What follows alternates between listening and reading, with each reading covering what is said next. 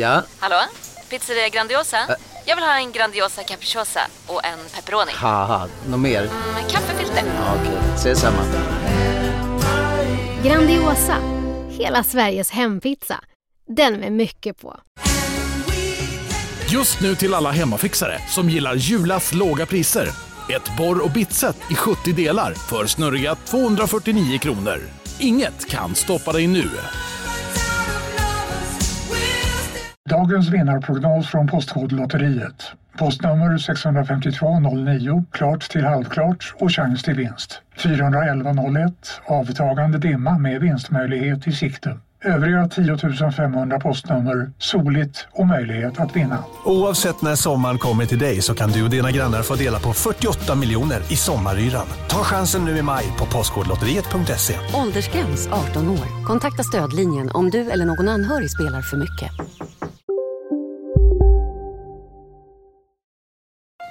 This planet is about to be recycled, refurbished, um, started over. Hej och välkommen till, till Spökpodden. Det är jag som är Fredrik. Det är jag som är Oskar och det är vi som är Spökpodden. Spökpodden. ja, det, det, där. Det, vi, har, vi har inte satt den en enda gång sen vi sa att vi skulle börja med det. vi får nästan spela in det för, så det är liksom förklippt redan från början ju.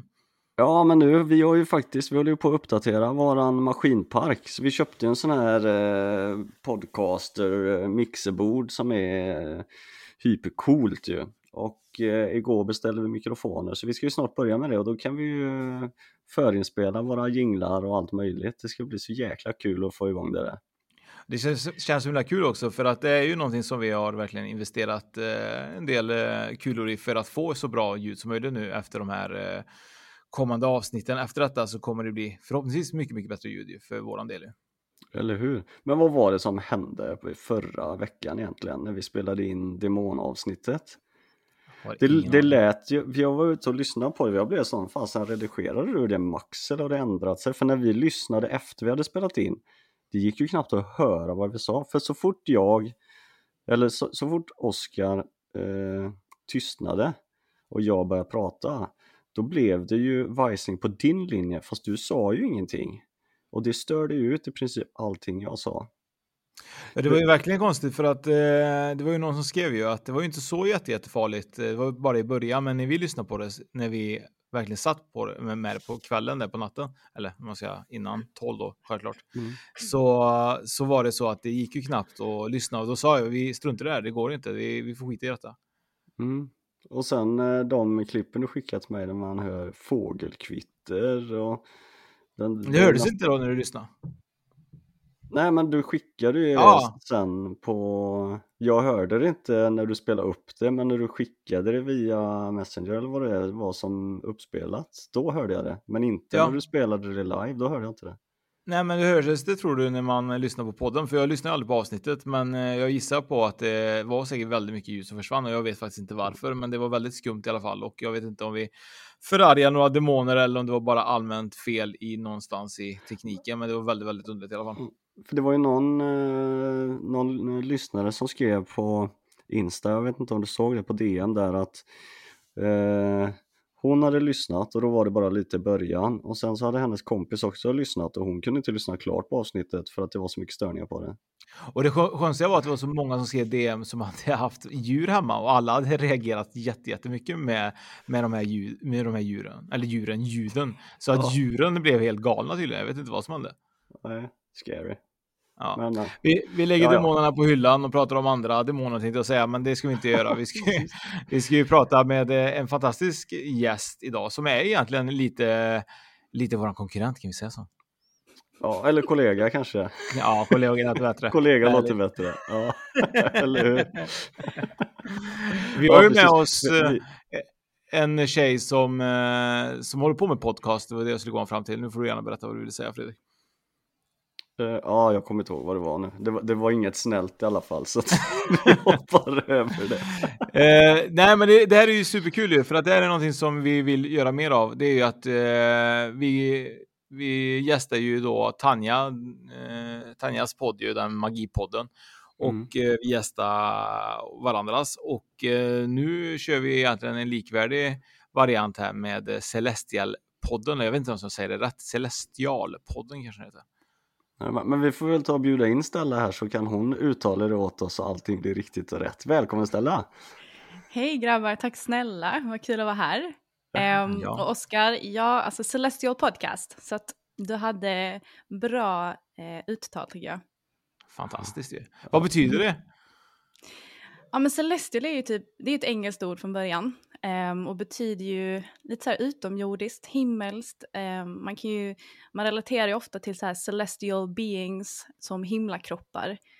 Um, och jag tycker liksom så här, celestial låter så här utomjordiskt, det låter så här lite icke-fysiskt, lite sånt som man inte kan ta på, the divine, allt sånt som jag tycker är kul. Plus allt det här med planeter och astrologi och astronomi. Så att jag tyckte det liksom sammanfattade mina intressen ganska bra. Och sen så tycker jag ordet är jättefint. Ja, Du har ju valt ett lite bättre namn på din podd än vad vi har gjort i alla fall. För vi, det, vi, vi pratar ju inte bara spöken om man säger så, så det är lite vilse, vilseledande ibland kan man, eh, ha, ha, har vi hört att en del tycker. Men jätte- en fördel är bra när man ska söka, för skriver man spöken som folk brukar göra så är det ju jättebra att heta Spökpodden. Ja. Eller hur? Jag tror jag hittade er podd genom att söka på just spök. Alltså jag lyssnar ju på spöktimmen för Ja. att eh, väva in en till podd här som jag tycker är fantastisk. Och då dök er podd upp i samband med det och det är ju en väldigt stor podd så att ni liksom får ju lite skjuts därigenom också. Så det, Nej, men vad menar det- du? Det är väl de som, får skjuts av oss eller vad det det, är? det, vi- det är vi som har byggt sp- spöktimmen. Men, men däremot ska du veta Stella att när vi, när vi har haft eh, eh, våran Instagram eh, som heter Spökpodden också självklart så har ju många som har varit på deras live-event ju som heter Spöktimmen. Och mammorna som följer med dessa döttrar och söner och så, de vet nog inte vilken som är vilken så att ibland får vi fått upp bilder på våran taggning typ att min son står nu med sina favoritpodcaster och så är det eh, taggad Spökpodden då så är det bild på då Jenny och och, och vet hon den andra? Linn. Eh, Linn och, så, och så, så, så får vi upp det på våran Instagram, vi bara det är inte vi. Så det är lite kul faktiskt. Men så man får lite skjuts säkert på, på köpet. Yes. Men jag tyckte, om, jag tyckte om det du sa, att vi, vi är kollegor, vi behöver inte vara konkurrenter. Vi får hjälpa varandra, växa det här communityt. Det är ju så himla kul här med, med podden och att hoppa in i det här ockulta och spöken och det andliga. Så att vi får hjälpa varandra helt enkelt. Exakt, och vi har ju olika infallsriktningar på allting så även om vi skulle Ja. prata om samma ämne så, så blir det inte samma sak ändå. Så att, eh, det, är- det är ju lite kul med, med det här, man lär ju sig så otroligt mycket på det och, och vi har ju märkt det, vi får ju mycket eh, gensvar där de säger att det är så intressant att lyssna på, man lär sig så mycket och Mm. slut, sluta aldrig liksom. Och det, det är ju det som är lite roligt också, att man faktiskt gör någonting som folk lär sig och, och utvecklar sig själva på. Precis, Är och du- framförallt, Ja, fortsätt. ja, framförallt att träffa alla människor. Alltså både ni och jag har ju mycket gäster på podden. Och det är ju det jag tycker är så spännande, det här liksom utbytet man får. Att man får liksom ta del av deras kunskap och hjälpa till att sprida det vidare. Ehm, och man lär sig så otroligt mycket från alla dessa möten. Så att, eh, ja, väldigt tacksamt. Hur kommer det sig att du börjar med, med en podd? Bra fråga. Jag började faktiskt den här podden tillsammans med en kompis. Så att den eh, hette ursprungligen Helvina and Faye podcast. Um, och vi, eh, det var, vi hade liksom precis börjat utforska liksom den här andliga världen på riktigt tillsammans. Och vi två var liksom de enda som vi hade i varandras närhet som var intresserade av de här ämnena. Jag har liksom aldrig växt, vuxit upp med någon familj som är spirituella eller vänner som är spirituella eller någonting sånt där. Så att efter jag var med om ett, eh, ett ganska traumatiskt dödsfall i min närhet så slängde det mig in i liksom en otrolig dödsångest och jag hamnade mycket så här katastroftänkt och, må, och mådde jättedåligt över det. Så att i samband med det så började jag eh, hitta det här med attraktionslagen. Och att det du tänker, your thoughts become your reality. Så att om jag kunde skifta mitt perspektiv på hur jag tänkte så kunde jag också skifta min verklighet och må bättre. Um, och vi började liksom så här hoppa in i dessa ämnen. Vi, varje gång vi träffades så, så började vi prata om det och både hon och jag har liksom alltid varit insatta i fantasy sedan vi var små. Vi, vi älskar ju allt det här. Det är bara att vi har liksom inte haft ett forum att uttrycka det eller liksom ett, ett, en plats att uttrycka det. Um, så att vi tänkte, men ska inte vi liksom utforska det här lite tillsammans och hur kul hade det inte varit om vi kunde få liksom bygga någon slags community eh, runt omkring oss och nå ut till andra som var likasinnade.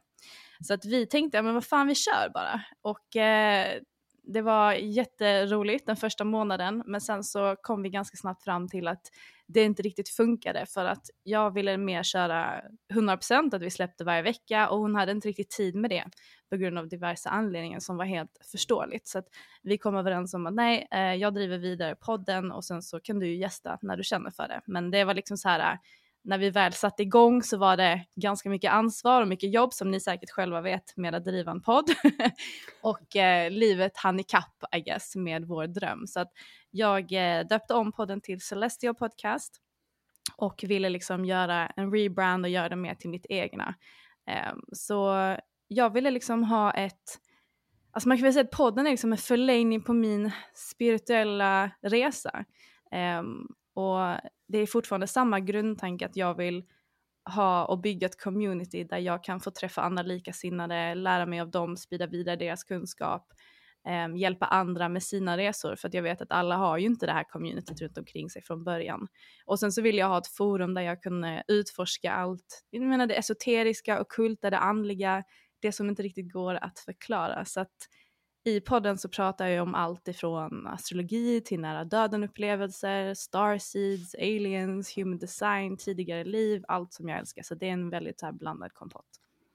Men eh, jag älskar det, precis som ni gör med er podd, I guess. ja, men är du andlig också, förutom att du har intresse i det? Är du spirituell lagd, typ att du har kontakt med andra sidan och lite sånt? Jag har inte kontakt med andra sidan men jag är väldigt så här, intuitiv och eh, energikänslig. Um, och jag kan inte prata med dem på andra sidan men jag, alltså jag får ju mycket, vad ska man säga, liksom budskap till mig om människor. Jag kan liksom läsa av en person utan att de ens behöver säga någonting. Um, och jag, um, jag har ju varit med om så här lite spökliga och andliga upplevelser. Men att just prata liksom som ett medium med andra sidan kan jag inte, nej. Det kanske kommer sen, men ingenting jag har utvecklat än. Mm, nej. Det kanske kommer för oss med, Fredrik. Ja, ja, det gör det, det lär det göra. Det, det handlar väl mer om att vi ska ta tiden och, och det är som eh, Stella säger, där, att det, det, är en resa i sig och, och utveckla den sidan. Det är, det är så många vi har träffat också som säger det att eh, alla har den förmågan. Eh, men det gäller att plocka fram den och, och hitta sitt sätt att få eller ta kontakten. Och det, det, det, är väl som allt annat. Eh, det är väl typ som att räkna matte och lära sig ett annat språk. Mm -hmm. Ja men det är egentligen bara att, typ som en radiokanal, vi behöver egentligen bara tuna in på rätt frekvens. Och det, det tror jag alla kan, för att vi är ju alla spirituella varelser i grund och botten. Um, och när jag väl tar tiden och sätter mig ner, liksom, och jag menar jag har gjort en sån här ehm, past life regression meditation där jag fick liksom hemma bara på golvet en morgon och fick uppleva en jättesjuk grej liksom med att, att se mig själv som en ljusvarelse, liksom komma i kontakt med ett före detta liv och sådär. Så att sätter jag, sätter jag tiden till det så, så connectar jag, men det tar ju tid. Det är det man behöver hitta i den här vardagen med jobb och allt annat. Liksom. Så att, men när du eh, säger att du såg det som en ljusvarelse, vad ja. menar du? Nej, men jag, eh, jag gjorde en sån här guidad meditation och eh, syftet med det var ju att, att eh, komma i kontakt med före detta liv. Och i den här meditationen, så, som många andra som jag varit med om också, så börjar man ofta, man vägleds ju till en slags eh, sån här helig trädgård, liksom. en, en safe place. Och sen så har man liksom olika dörrar eller portaler man kan öppna och när man går igenom dem så ska man liksom komma dit till något före detta liv helt enkelt. Eh, men under tiden jag var eh, guidades igenom den här meditationen var liksom i den här trädgården så var det som att jag vet inte, mitt medvetande bara tog över och skjutsade iväg mig så det var som att jag lämnade min kropp och bara flög upp liksom förbi taket, upp liksom i himlen och sen så hamnade jag i något slags, alltså typ the void. Förstår ni vad jag menar om jag säger det? Liksom bara ett svart mörker liksom. Och däromkring bara flöt jag och tänkte bara, vad fan är jag någonstans? Får man svära i den här podden förresten? Ja, herregud. Kör Vi kan alla säga fan om du vill. Okej, okay, vad bra.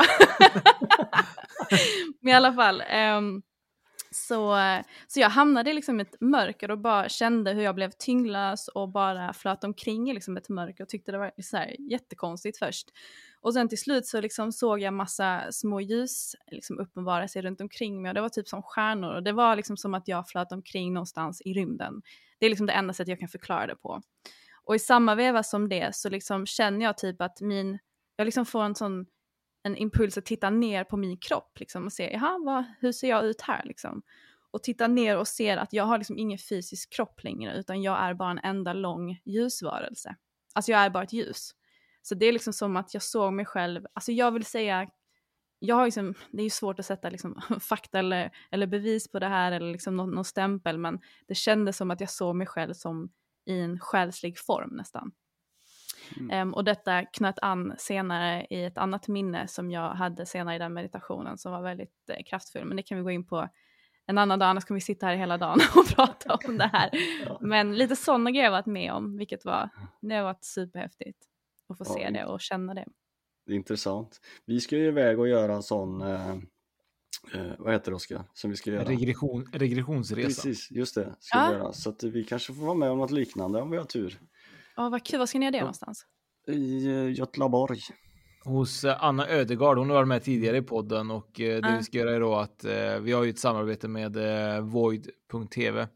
Ja. Där vi kommer få släppa lite något som kommer heta paranormala äventyr. Men jag och Fredrik har, ligger ju lite efter med det och deras planer. Här är kontaktinformation så kontaktinformation där till eh, dök upp där.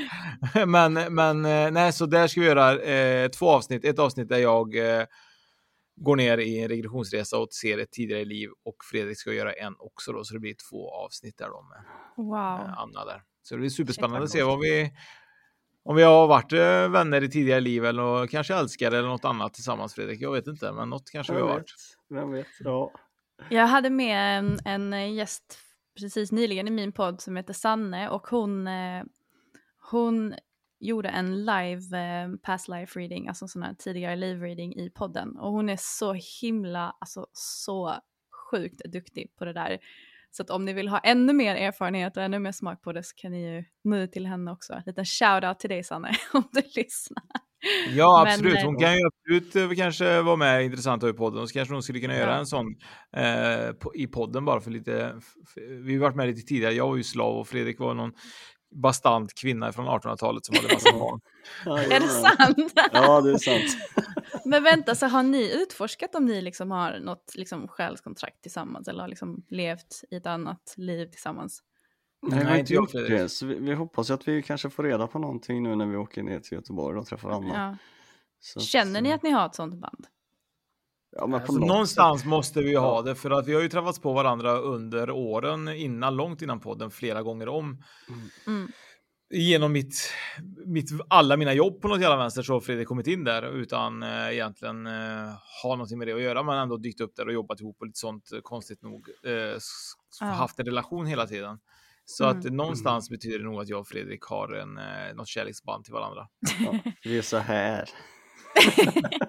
Soulmates. Men jag, jag hörde någon gång i något avsnitt ni gjorde, där du, alltså nu vet jag inte vem det var som hade gjort vad, men någon hade flyttat in i någons lägenhet som den personen hade bott i tidigare. Fredrik flyttade in i min gamla lägenhet. Som ja, det är ju också jag, sjukt.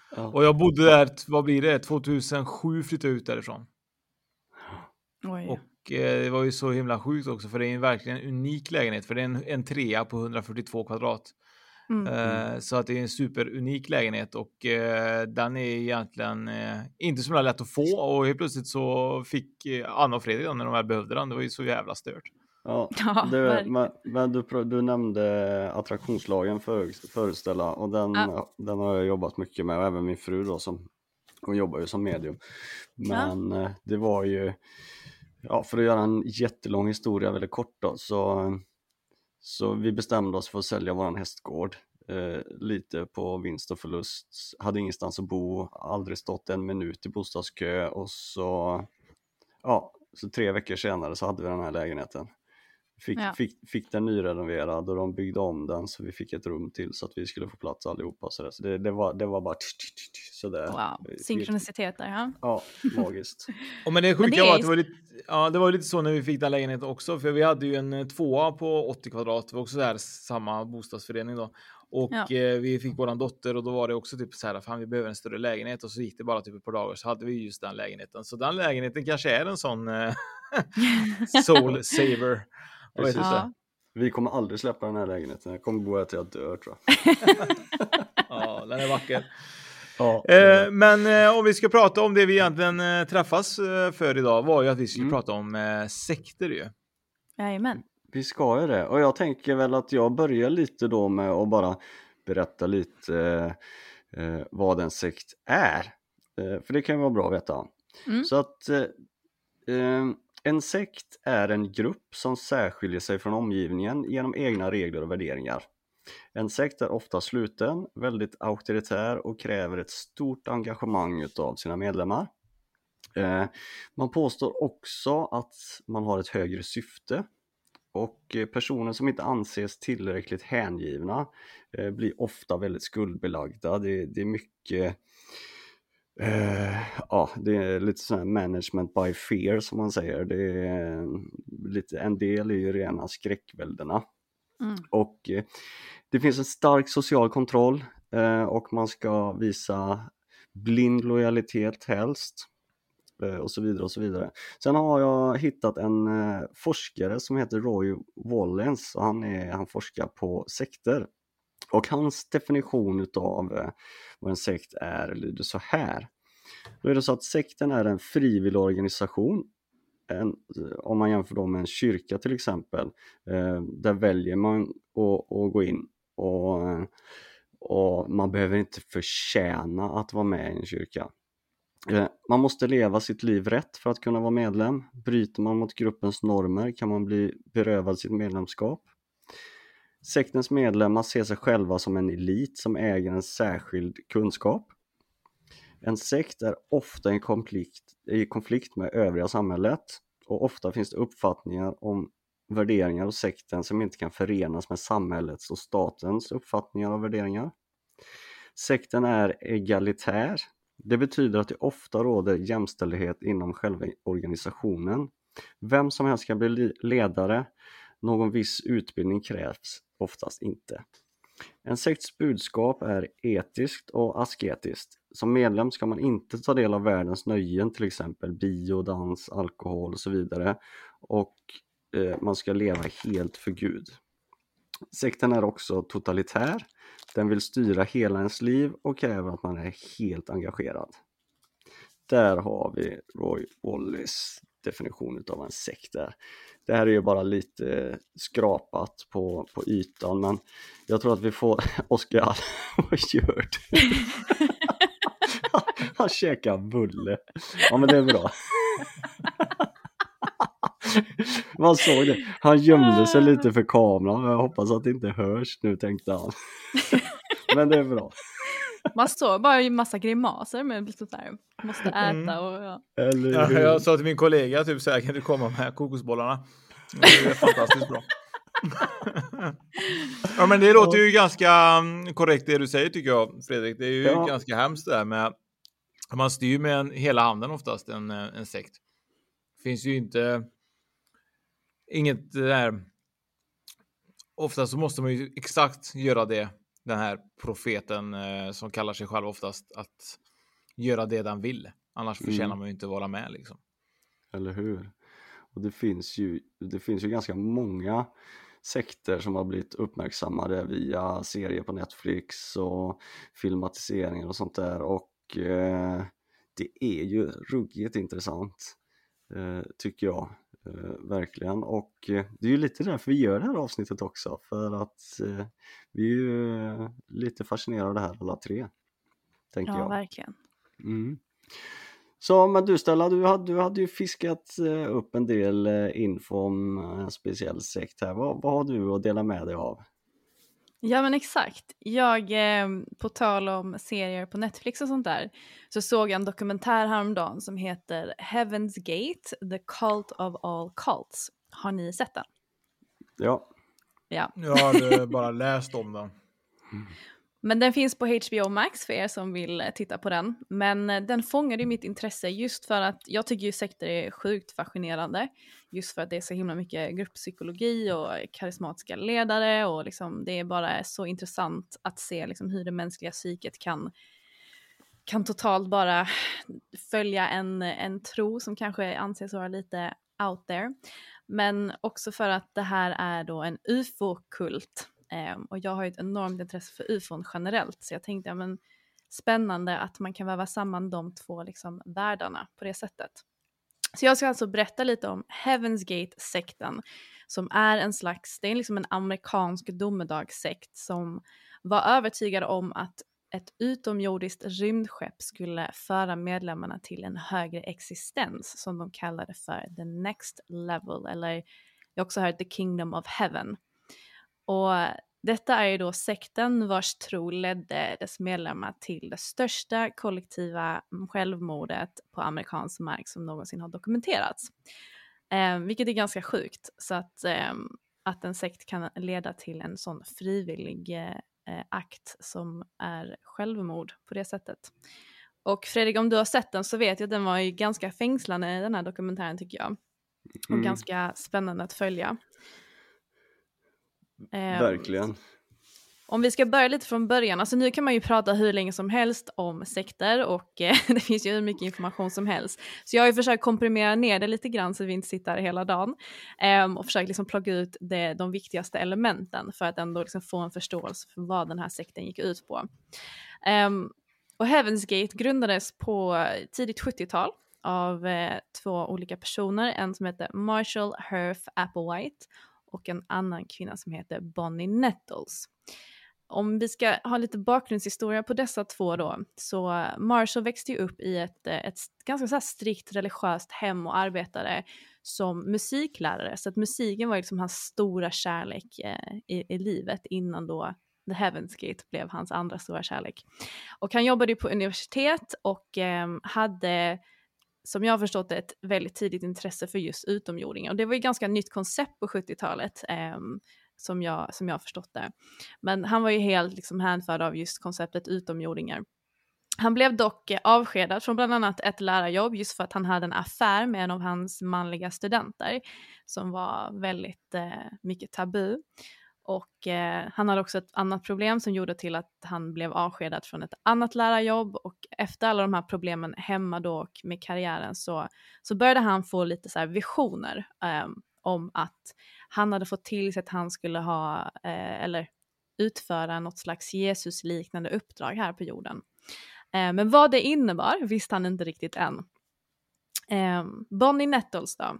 Hon hade ju också en, en religiös bakgrund. Hon var fyra barns mamma, sjuksköterska och utåt sett så såg ju allting ganska normalt ut. Och utöver, utöver sitt eh, enorma engagemang, just hon jobbade mycket med barn främst på sjukhuset, så hade hon ju ett otroligt stort intresse för just new age-läror och allt som hörde där till och framförallt också utomjordingar och ufon. Så att där hade de liksom en connection där eh, med utomjordingar.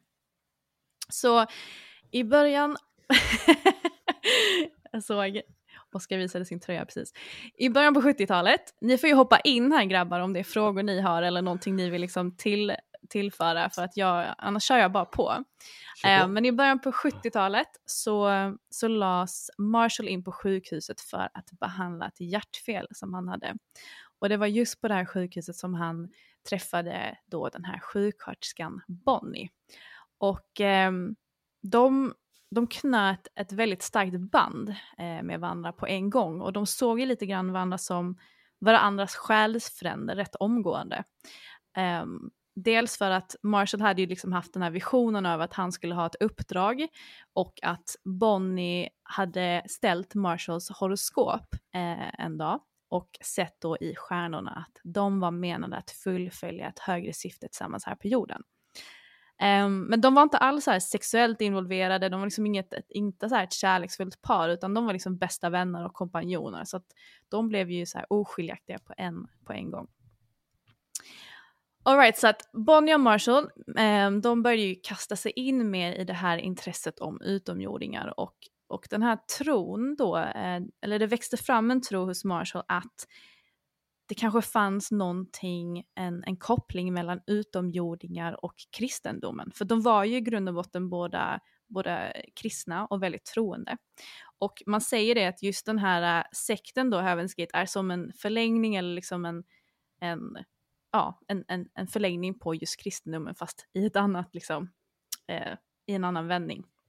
Och han trodde ju då att, att det var via ufon människan skulle komma till himmelriket, kort och gott. Så att han såg ju verkligen kristendomen och utomjordingar. Och man pratade ju mycket tidigare om Ancient Aliens, jag vet inte om ni har läst den här boken Chariot of the Gods. Men den var ju Nej, väldigt stor. Eh, men den var ju väldigt stor just på, på 70-80-talet som jag har förstått det rätt. Och där, där pratar mycket om ancient aliens, att alla de här liksom, gudarna var ju aliens av något, av något slag och det är mycket det liksom som har eh, som har genomsyrat det här intresset och liksom den här sekten då som han, som han började bygga så att säga. Um, så år 1973 så åkte Bonnie och Marshall iväg för att lite grann få en större förståelse för vad de hade för mission här tillsammans. Och efter några månader så nådde de en insikt, eh, vilket var ganska, en ganska sjuk insikt. Jag trodde de var, jag får bara så LSD-vibes, de var sjukt höga på, på någon drog när de nådde den här insikten. Men eh, de hade då kommit fram till att de var de två vittnena i Revelation 11. Och det, jag kan ju inte Bibeln eller första eller andra testamentet, men det är väl liksom något stycke därifrån. Um, och de här två vittnena i Revelation 11 blir ju martyrdödade och sen återuppstår de eh, och, och stiger upp liksom till himlen i ett slags moln. Och det, är ju, det, det var det de såg sig vara. De var liksom de här två vittnena som hade återuppstått igen. Och liksom Jesus hade de kommit ifrån himmelriket för att visa människor hur man kunde uppnå ett evigt liv. Och liksom Jesus så skulle de återvända i en rymdfarkost tillbaka till det här uh, divine, the heavens, de trodde väl på att Jesus kom och gick i ett rymdfarkost. Så ehm, det som var intressant här var just att de ansåg ju, eller man säger att Jesus han hade ju misslyckats med det här uppdraget. Så Applewhite, eller Marshall då som han heter, eh, hade ju skickats för att försöka igen. Och denna gång med en hjälpare, Bonnie. Um, så man kan ju lugnt säga att Marshall hade ett grovt Messiah-komplex, för att säga. Um, om man ska gå in lite på deras mission, um, det är ju lite här det blir intressant. deras mission var ju egentligen att samla trogna anhängare som hade potential till att följa med till någonting som de kallade för the next level. Och de hade ju någon slags så här domedagstro om att jorden skulle på något sätt återvinnas eller förstöras på något sätt. Det var liksom inte så att hela jorden bara skulle försvinna, eh, utan det var liksom någon, någon ny cykel som skulle sättas igång. Eh, och det enda sättet att... Hej, Synoptik här! Visste du att solens UV-strålar kan vara skadliga och åldra dina ögon i förtid? Kom in till oss så hjälper vi dig att hitta rätt solglasögon som skyddar dina ögon. Välkommen till Synoptik. Ah, dåliga vibrationer är att skära av sig tummen i köket. Ja! Bra vibrationer är att du har en tumme till och kan scrolla vidare. Alla abonnemang för 20 kronor i månaden i fyra månader. Vimla! Mobiloperatören med bra vibrationer. Upptäck hyllade XPeng G9 och P7 hos Bilia. Våra produktspecialister hjälper dig att hitta rätt modell för just dig. Boka din provkörning på bilia.se xpeng redan idag. Välkommen till Bilia, din specialist på X-peng. Överle överleva det här var egentligen att följa med dem på det här äh, rymd, liksom, den här rymdfarkosten. Eh, för det skulle ju ta då den här gruppen till the next level som var typ himmelriket av något slag. Det är liksom det enda sättet jag egentligen kan förklara det på. Och du får ju hoppa in här Fredrik om det är någonting som du liksom kommer på, men eh, jag tror att jag liksom återberättar det här korrekt. Eh, ja, men du är jätteduktig. men i alla fall, de här två, Bonnie och Marshall, de började mission missionera. Missionera, säger man så? Ja, ja. missionera. Och predika sin tro. Um, och i samma veva så började liksom ett, ett namn lite grann uppstå runt om och de började kallas för the two, alltså de två. Just för att de var the två in the book of revelation och så vidare. Eh, så att i takt med att de började få anhängare så bytte de även sina namn från Marshall och Bonnie till Bo och Peep. Och ni som har lite koll på det här Bo Peep, det var ju ett hon samlade ju på får, alltså sheep. Och de såg väl lite det här att nu har de ju börjat liksom få en, en, en flock med sheep eller med får. Så att de fick någon koppling där I guess och började kalla sig själva för Bo and Peep. Skitkonstigt tycker jag. Men i alla fall. Här började gruppen att, att kalla sig för HIM, um, alltså Human Individual Metamorphosis. Um, varför? Det är här jag tycker det blir sjukt spännande. Um, de började kalla sig för det här för att de predikade att om man bara följde deras sätt att leva och deras tro så skulle deras mänskliga kroppar uppgraderas och till slut omvandlas rent kemiskt och biologiskt till en perfekt utomjordisk varelse. Alltså en alien helt enkelt. Och när tiden var inne så skulle alla i gruppen fysiskt resa tillsammans på ett ufo till en då version av himlen i, i rymden någonstans. Och de trodde ju stenhårt på det här och jag menar 1975 så tror jag att de hade, de hade över 200 anhängare om jag inte missminner mig. Så de hade ju ändå samlat en ganska stor grupp. Och det sjuka var ju att för att gå med i den här gruppen, det var inte bara så att du kunde gå med och hänga liksom där när du ville, utan gick du med i den här gruppen så var ju kravet att liksom skala bort all mänsklig kontakt utanför gruppen. Så man fick ju bryta kontakter med familjen helt och hållet, säga upp sig från jobbet, eh, man fick liksom bryta allt ifrån sitt där gamla liv så att säga. Eh, och det, det var ju hur många som helst som gjorde det. Eh, och jag menar jag läste fall där det var ett par, alltså flera par som bara tog, de bara lämnade sina barn, det var liksom ett par som hade barn som var så, här, så, så unga som en månad gamla och de bara lämnade över dem till morföräldrar och sen så stack de för att liksom hänga med på det här äh, rymdskeppet då som de trodde på. Så det är ganska sjukt att bara det att, att, att Bonnie och Marshall hade den förmågan och det här det kom in lite med karismatiska ledare, de har ju en otrolig retorik för att kunna övertyga människor om någonting som är ganska sjukt egentligen. Eh, att kroppen rent kemiskt och biologiskt ska omvandlas. Eh, så de var väldigt skillade på det. Men i alla fall. 1900, ja. vad tänkte du säga ja, Fredrik? Ja, nej, jag tänkte bara säga att ja, men det är ju lite som vi pratade om i början, just det här med de är otroligt eh, karismatiska och ja. det är ju nu har inte vi nämnt hjärntvätt tidigare men, men det är ju ett ord som man kommer att tänka på för att just precis som du säger att man lämnar barn och familj och mm. allt rubbet för en tro som är den är högre än allt annat. Exakt. Och det är läskigt.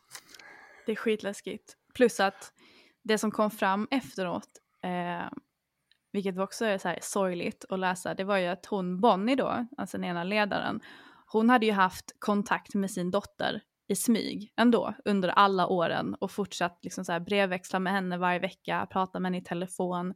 Så att hon följde ju inte ens sina egna liksom det hon predikade så att säga. Så det var väldigt mycket hyckleri känner jag inblandat i den här sekten. Men i alla fall om vi går vidare då. Eh, 1976 så var det ungefär 100 medlemmar kvar och då var det så att Marshall och Bonnie hade kommit till en insikt för de, de kunde liksom inte rekrytera fler eh, fler oh, anhängare helt enkelt. De, de började märka liksom att ja, det kom några, det gick några, men det var liksom runt hundra som, som kvarstod.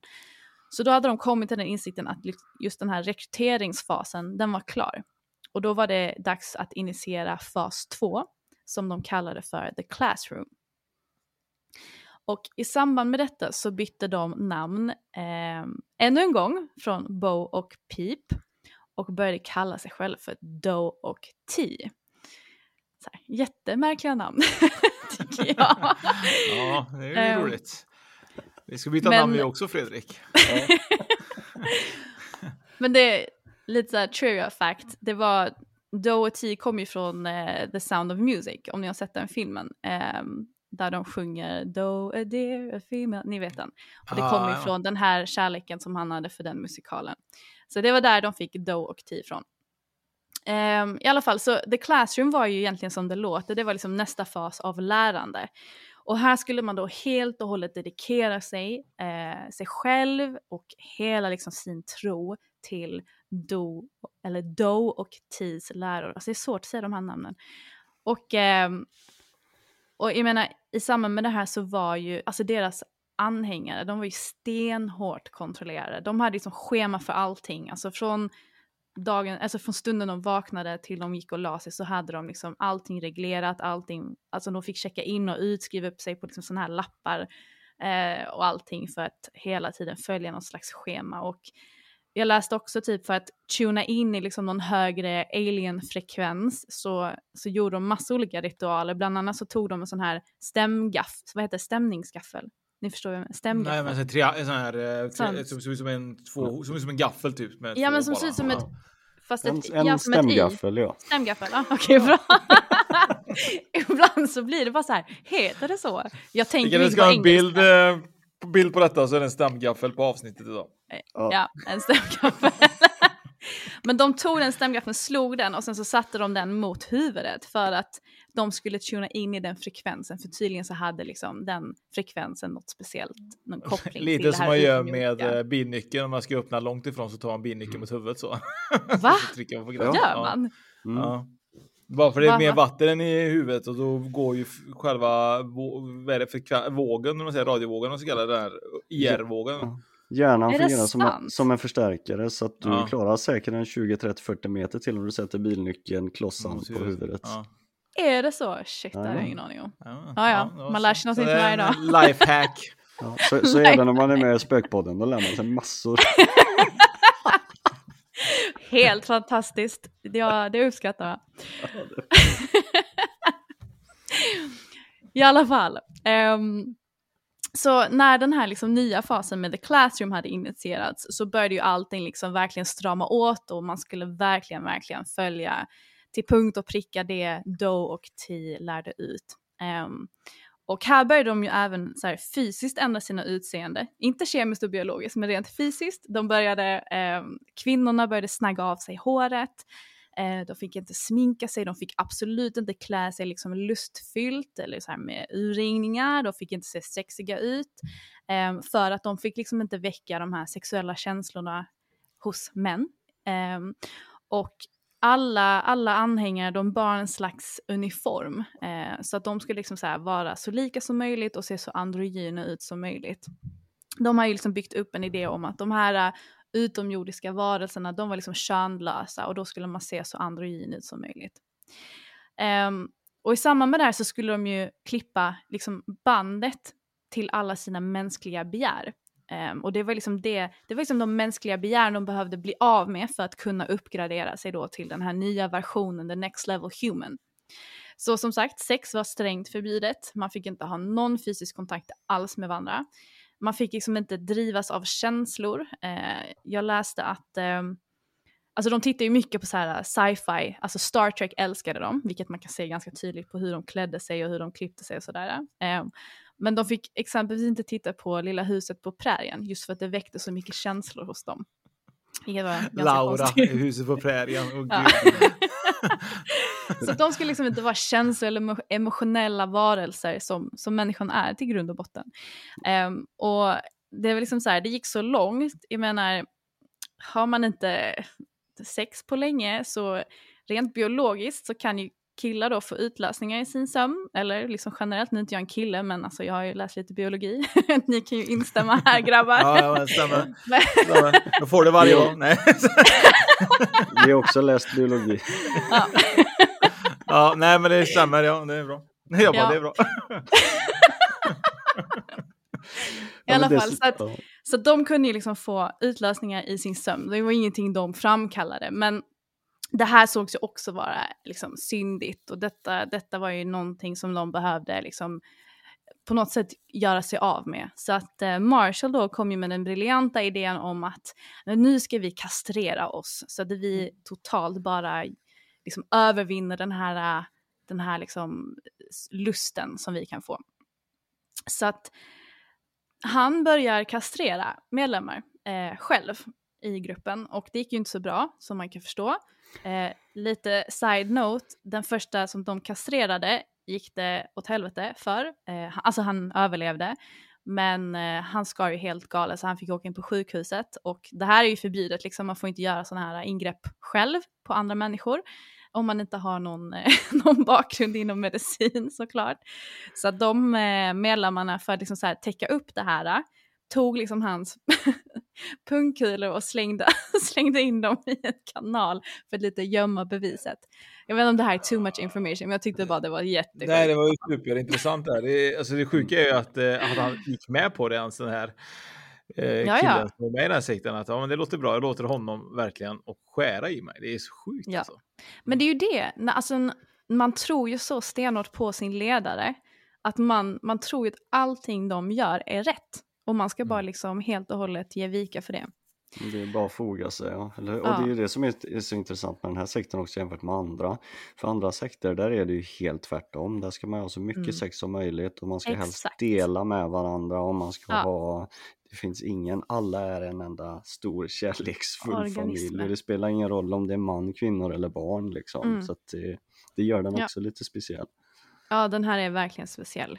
Och du menar, det gick alltså, för att klippa ännu mer de här banden till sitt förflutna så fick ju alla i, i gruppen nya namn. Och alla namnen ehm, hade ju liksom samma, vad ska man säga, grundform. Så att alla namnen slutade ju på ODI, alltså OD.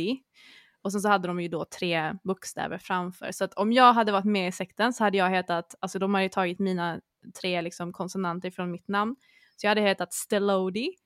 Oscar, du hade hetat Oscodi och Fredrik hade hetat Fredodi. Typ. Fan, det är ju det är ju alltså. Frodo nästan. Ja. Ja, det är kanske det era nya namn är. Vad sa du? Ostodi och Frododi. Oscodi och Fredodi. Skitkul där Fredrik, det ska vi köra på när vi kör livepodd. Livepodd med Frododi och. Ja, det är skitbra. Men det var ju ett sätt liksom att, att alla skulle bli adopterade in i den här familjen. Det var liksom, Odi var ju typ som ett efternamn så att säga. Men i alla fall, ehm, the two, alltså Marshall och Bonnie, eh, de, de sa ju att de hade liksom redan uppnått ett tillstånd av den här alien utomjordiska perfektionen och de, de existerade i liksom sina mänskliga fordon, för de hade ju inte, de kallade ju sig själva inte så här människor, utan de, de var varelser eller liksom någon själ som befann sig i ett fordon, alltså kroppen. Så de såg ju bara kroppen som ett skal. Liksom. Och de var ju här för att då hjälpa andra uppnå denna mirakulösa förändring som var att de skulle formas till de här nya alien-varelserna. Men sen så tog det en vändning Um, och verkligheten trängde sig på när Bonnie blev uh, sjuk i cancer. Och hon uh, dog faktiskt i den här cancern i 1985. Och det var ju inte så att det liknade någon härlig utomjordisk på nytt födelse när hon dog, utan det var ju en tragisk händelse som, som där när man går bort i cancer. Så att i samband med det här äh, så stod, det, gick liksom, det blev ju direkt en konflikt med vad Heaven's Gate trodde på. För de trodde ju att liksom Bonnie och Marshall, de var ju liksom, de var ju redan de här äh, utomjordiska varelserna. Hur, hur kunde hon dö? Det gick ju emot allting. Um, så att i samband med hennes död så ändrade Marshall eh, lite filosofi eller riktning i, i gruppen och sa att det längre inte handlade om en fysisk transformation utan det handlade om en andlig transformation som var helt eh, disconnectad ifrån den fysiska kroppen. Så kroppen såg ju bara som ett skal som sagt och de, de sa hela tiden the vehicle, my vehicle, alltså det är en fordon. Um, och, och det de kom fram till då, eller det han, liksom, det han sa, det var ju att Bonnie, hon hade behövt lämna sin fysiska kropp för att återgå då till the next level, eller the kingdom of heaven, för att fortsätta assistera från den sidan och vara liksom den här direkta länken mellan Marshall och himmelriket. Så det var liksom hennes nästa uppgift här i livet, det var att, att gå och åka upp dit igen och, och, eh, och påbörja nästa steg helt enkelt. Så det var liksom en snygg cover-up de, de kom på där. Um, så detta började ju liksom, i samband med att Bonnie gick bort så började ju det här väcka tanken, tanken hos Marshall om att så här, var det inte dags kanske för hela gruppen att lämna sina fordon, eller sina kroppar då, för att komma till the kingdom of heaven? Um, för han började ju liksom själv tro på att det, är liksom så här, det var det egentligen som var syftet. Eh, att de behövde liksom lämna på ett annat sätt och nu handlar det om en andlig eh, upplevelse istället. Um, och de har ju liksom, jag menar den här sekten höll ju på i, alltså de var ju igång i över 20 år. Uh, och gick och väntade på det här tecknet över att, att snart kommer det här, eh, rymd, det här liksom rymdskeppet och hämta upp oss.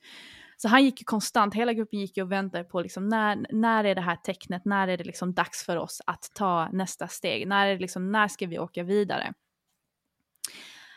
Um, och då kommer man in då i nästa fas som kallas för the exit.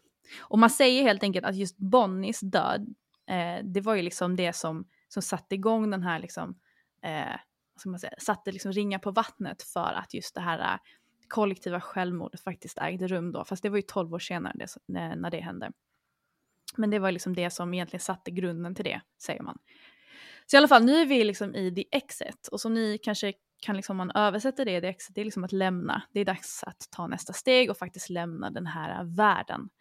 Så 1996 så började de ju verkligen planera den här The Exit. I, och, och, det som var så intressant det var att i samma veva som, som det här, eller det som egentligen satte igång det här, det var ju att eh, Hale-Bopp-kometen flög väldigt nära jorden just eh, vid den tidpunkten.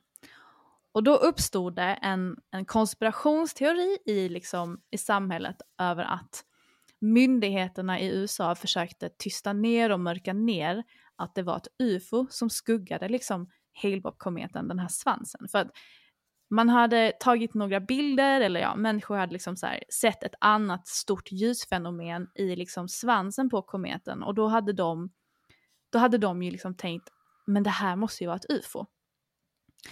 Och där såg ju Marshall sitt tecken som han hade gått och väntat på så länge. Sen var det här struntprat, alltså det var ju liksom inget annat ljusfenomen, men det var ju liksom någonting som, som byggdes upp och det var liksom någonting som spred sig i samhället och, och det var ju ett tag liksom, wow, det är någonting som ligger i kometens svans och vad är det för någonting?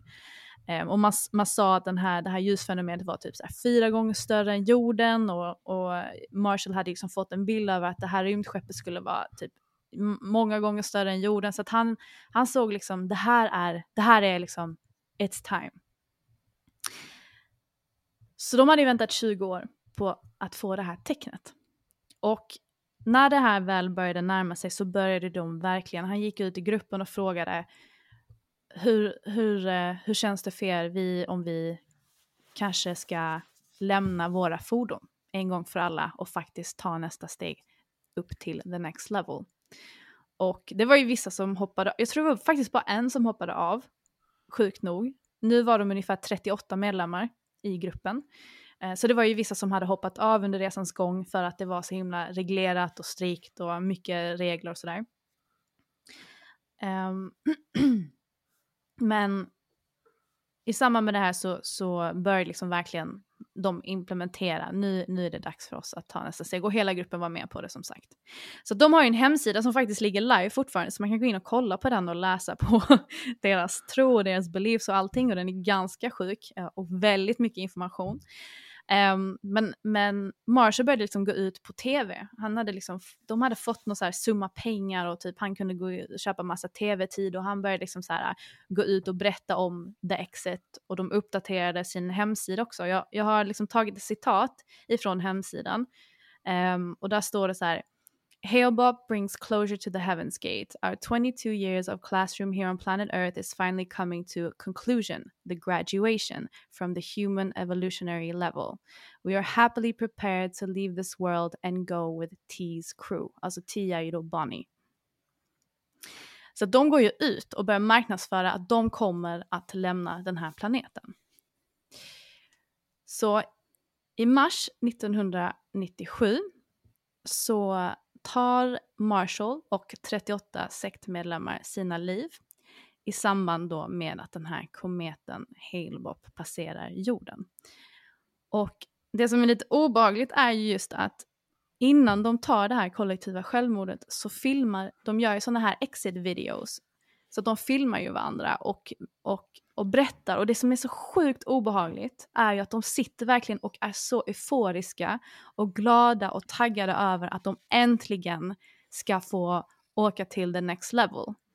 Alltså de har ingen rädsla alls, de tycker liksom inga tveksamheter alls om att de nu ska liksom ta sina liv för att göra the exit. Um, och de här videorna kan man faktiskt se um, om man vill det och, det och, man, och de visar ju en del också i den här dokumentären om man vill titta på den.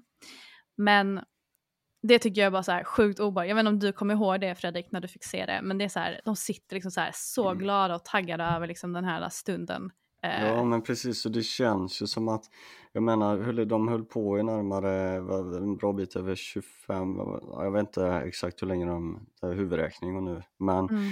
alltså de har väntat i 20 plus år på att nå exakt. the next level och det tror sjutton det att nu är vi så upplysta som vi kan bli för ja. att få ta nästa steg. Exakt. Eh, och det är som du säger att Eh, jag har inte varit inne på hemsidan och kikat men man ser ju det här bakom den här euforin liksom över att mm. fan, nu är vi här, äntligen, mm. det är det här vi har väntat på i halva livet liksom, att verkligen få ta steget. Mm. Och det är så otäckt för oss utifrån att se deras glädje som bygger på en fullständig lögn. Ja. Det är så otäckt, det är så otäckt.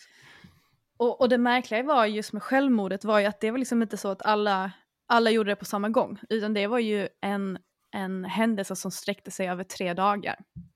Så dag ett så var det liksom jag vet, en tredjedel av gruppen som drack den här liksom, kompotten eller vad det var. De, ja, de drack någon grej. Och sen så, så la de sig ner i sina sängar och sen så, ja, så dog de. Och sen så resten av liksom sektmedlemmarna, de kom ju och liksom pysslade om dem, la liksom en filt över huvudet och såg till att allting var så här snyggt och prydligt. Sen dag två så var det dags för nästa grupp. Och sen dag tre så var det då dags för de resterande i gruppen. Så det här liksom pågick över tre dagar. Alltså hur obehagligt är det? Det är så sjukt obehagligt.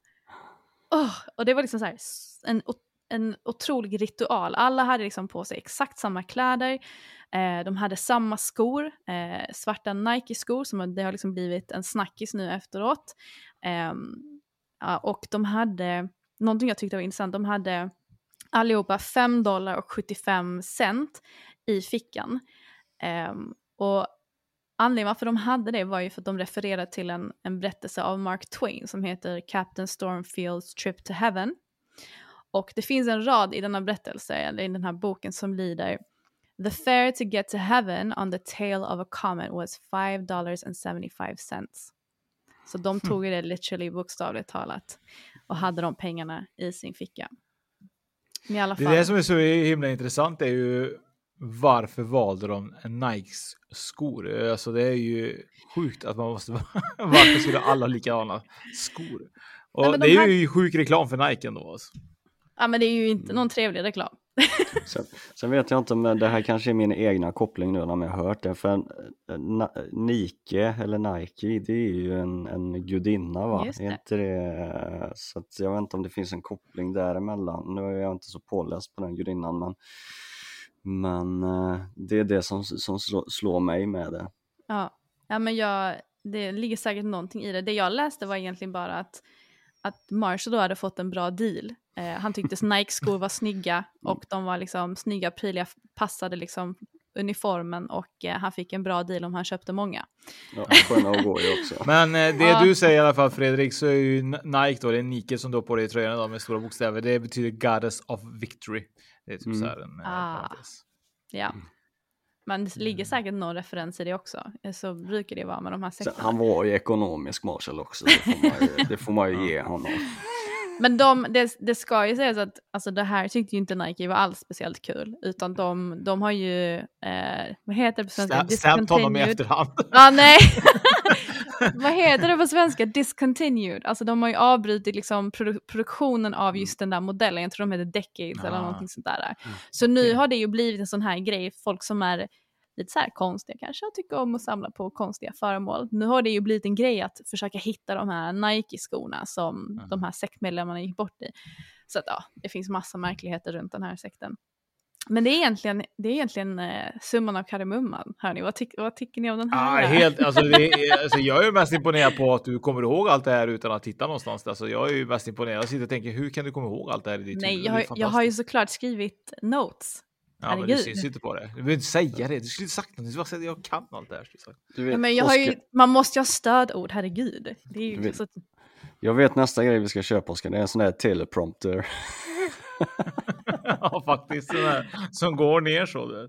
Men, men jag får säga, det är superintressant det här. Jag eh, tycker att det är så himla läskigt att, uh, att det går att hjärntvätta människor på det här sättet. Och att ja. vi, vi, kan prata om sekter och så, men jag menar, vi behöver inte gå till sekter överhuvudtaget. Vi kan bara kolla på andra världskriget med Hitler och så vidare. Han, uh, ja. han, han hjärntvättade en hel nation och jag menar, ibland behövs det inte att du ska gå in i en sekt och så vidare. Jag menar, det, är, det är mycket grejer som, som händer just i våran värld just nu också som ibland känns lite grann som en hjärntvätteri för, eh, för att media är så jävla bra på att trycka på saker. Så mm, att eh, ibland behövs det inte att vara med i en sekt för att bli hjärntvättad, tycker inte jag. Nej, det, räck, det räcker ju att skaffa Instagram liksom och följa några speciella konton. Jajamän.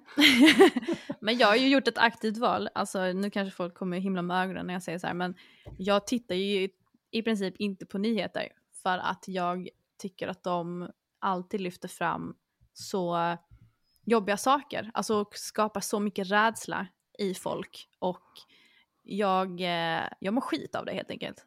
Så jag mm. tycker liksom så här, nu vet jag att de, den viktiga informationen kommer fram ändå. Um, och man har, man, alltså här, att försöka hålla sig allmänbildad, det tycker jag att man ändå kan, även fast man inte varje dag slänger sig in i nyheterna, läser varenda grej. För det är så, alltså när var sist man läser någonting positivt i nyheterna? Det händer ju jättesällan. Ja.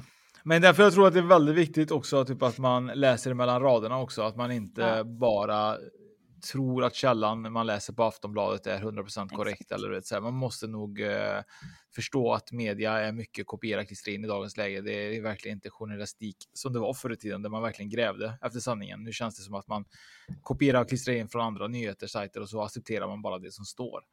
Och ja. eh, det är tyvärr det som är tragiskt. Jag har varit inne på flera gånger att man skulle önska att man hade öppnat en, en tidning med bara goda nyheter, men eh, det mm -hmm. verkar inte vara eh, någonting jag orkar driva framåt just nu. Men, men det, är, menar, det är väldigt viktigt som du säger att eh, goda nyheter, de, eh, de försvinner sällan. Oftast är det bara skvaller eller hemska eh, ja. saker tyvärr.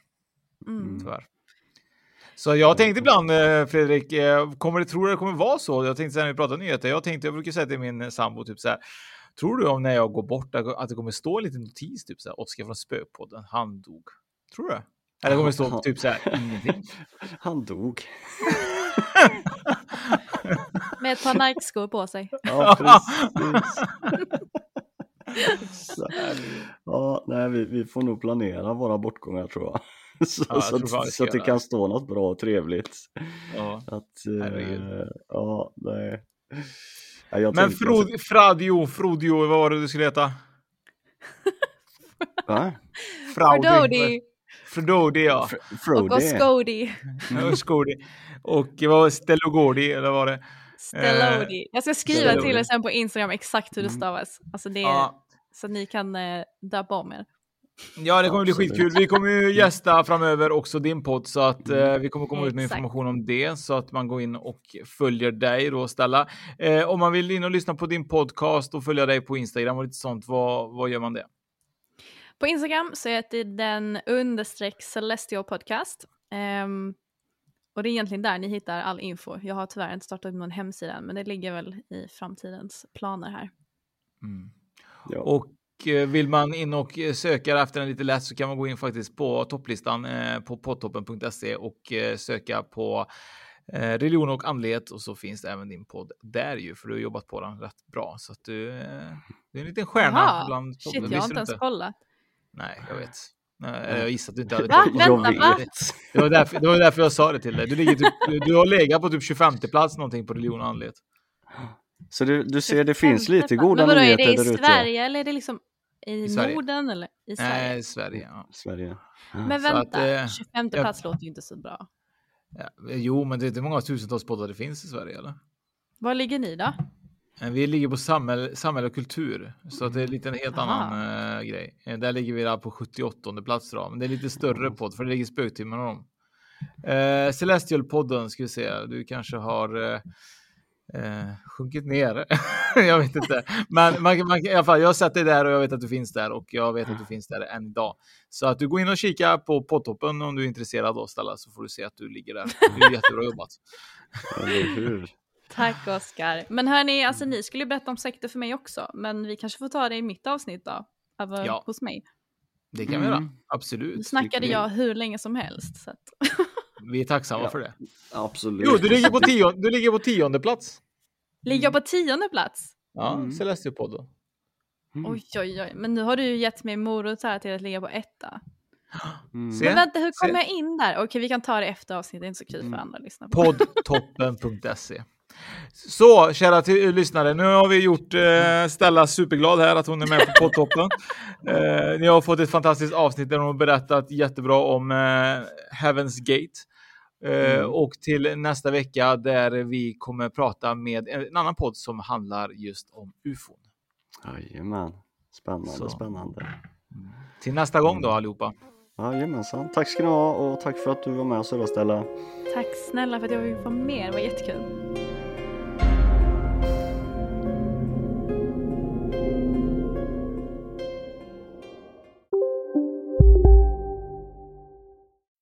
Finns det något bättre än riktigt gott färskmalet kaffe på morgonen? Det skulle väl vara en McToast med rökt skinka och smältost. Och nu får du båda för bara 30 kronor. Välkommen till McDonalds. Kolla menyn. Vadå? Kan det stämma? 12 köttbullar med mos för 32 spänn. Otroligt! Då får det bli efterrätt också. Lätt! Onsdagar är happy days på IKEA. Fram till 31 maj äter du som är eller blir IKEA Family-medlem alla varmrätter till halva priset. Vi ses i restaurangen på IKEA. Välkommen till Unionen. Jo, jag undrar hur många semesterdagar jag har som projektanställd och vad gör jag om jag inte får något semestertillägg? Påverkar det inkomstförsäkringen? För jag har blivit varslad, till skillnad från min kollega som ofta kör härskarteknik på möten och dessutom har högre lön trots samma tjänst. Vad gör jag nu? Okej, vi tar det från början. Jobbigt på jobbet. Som medlem i Unionen kan du alltid prata med våra rådgivare.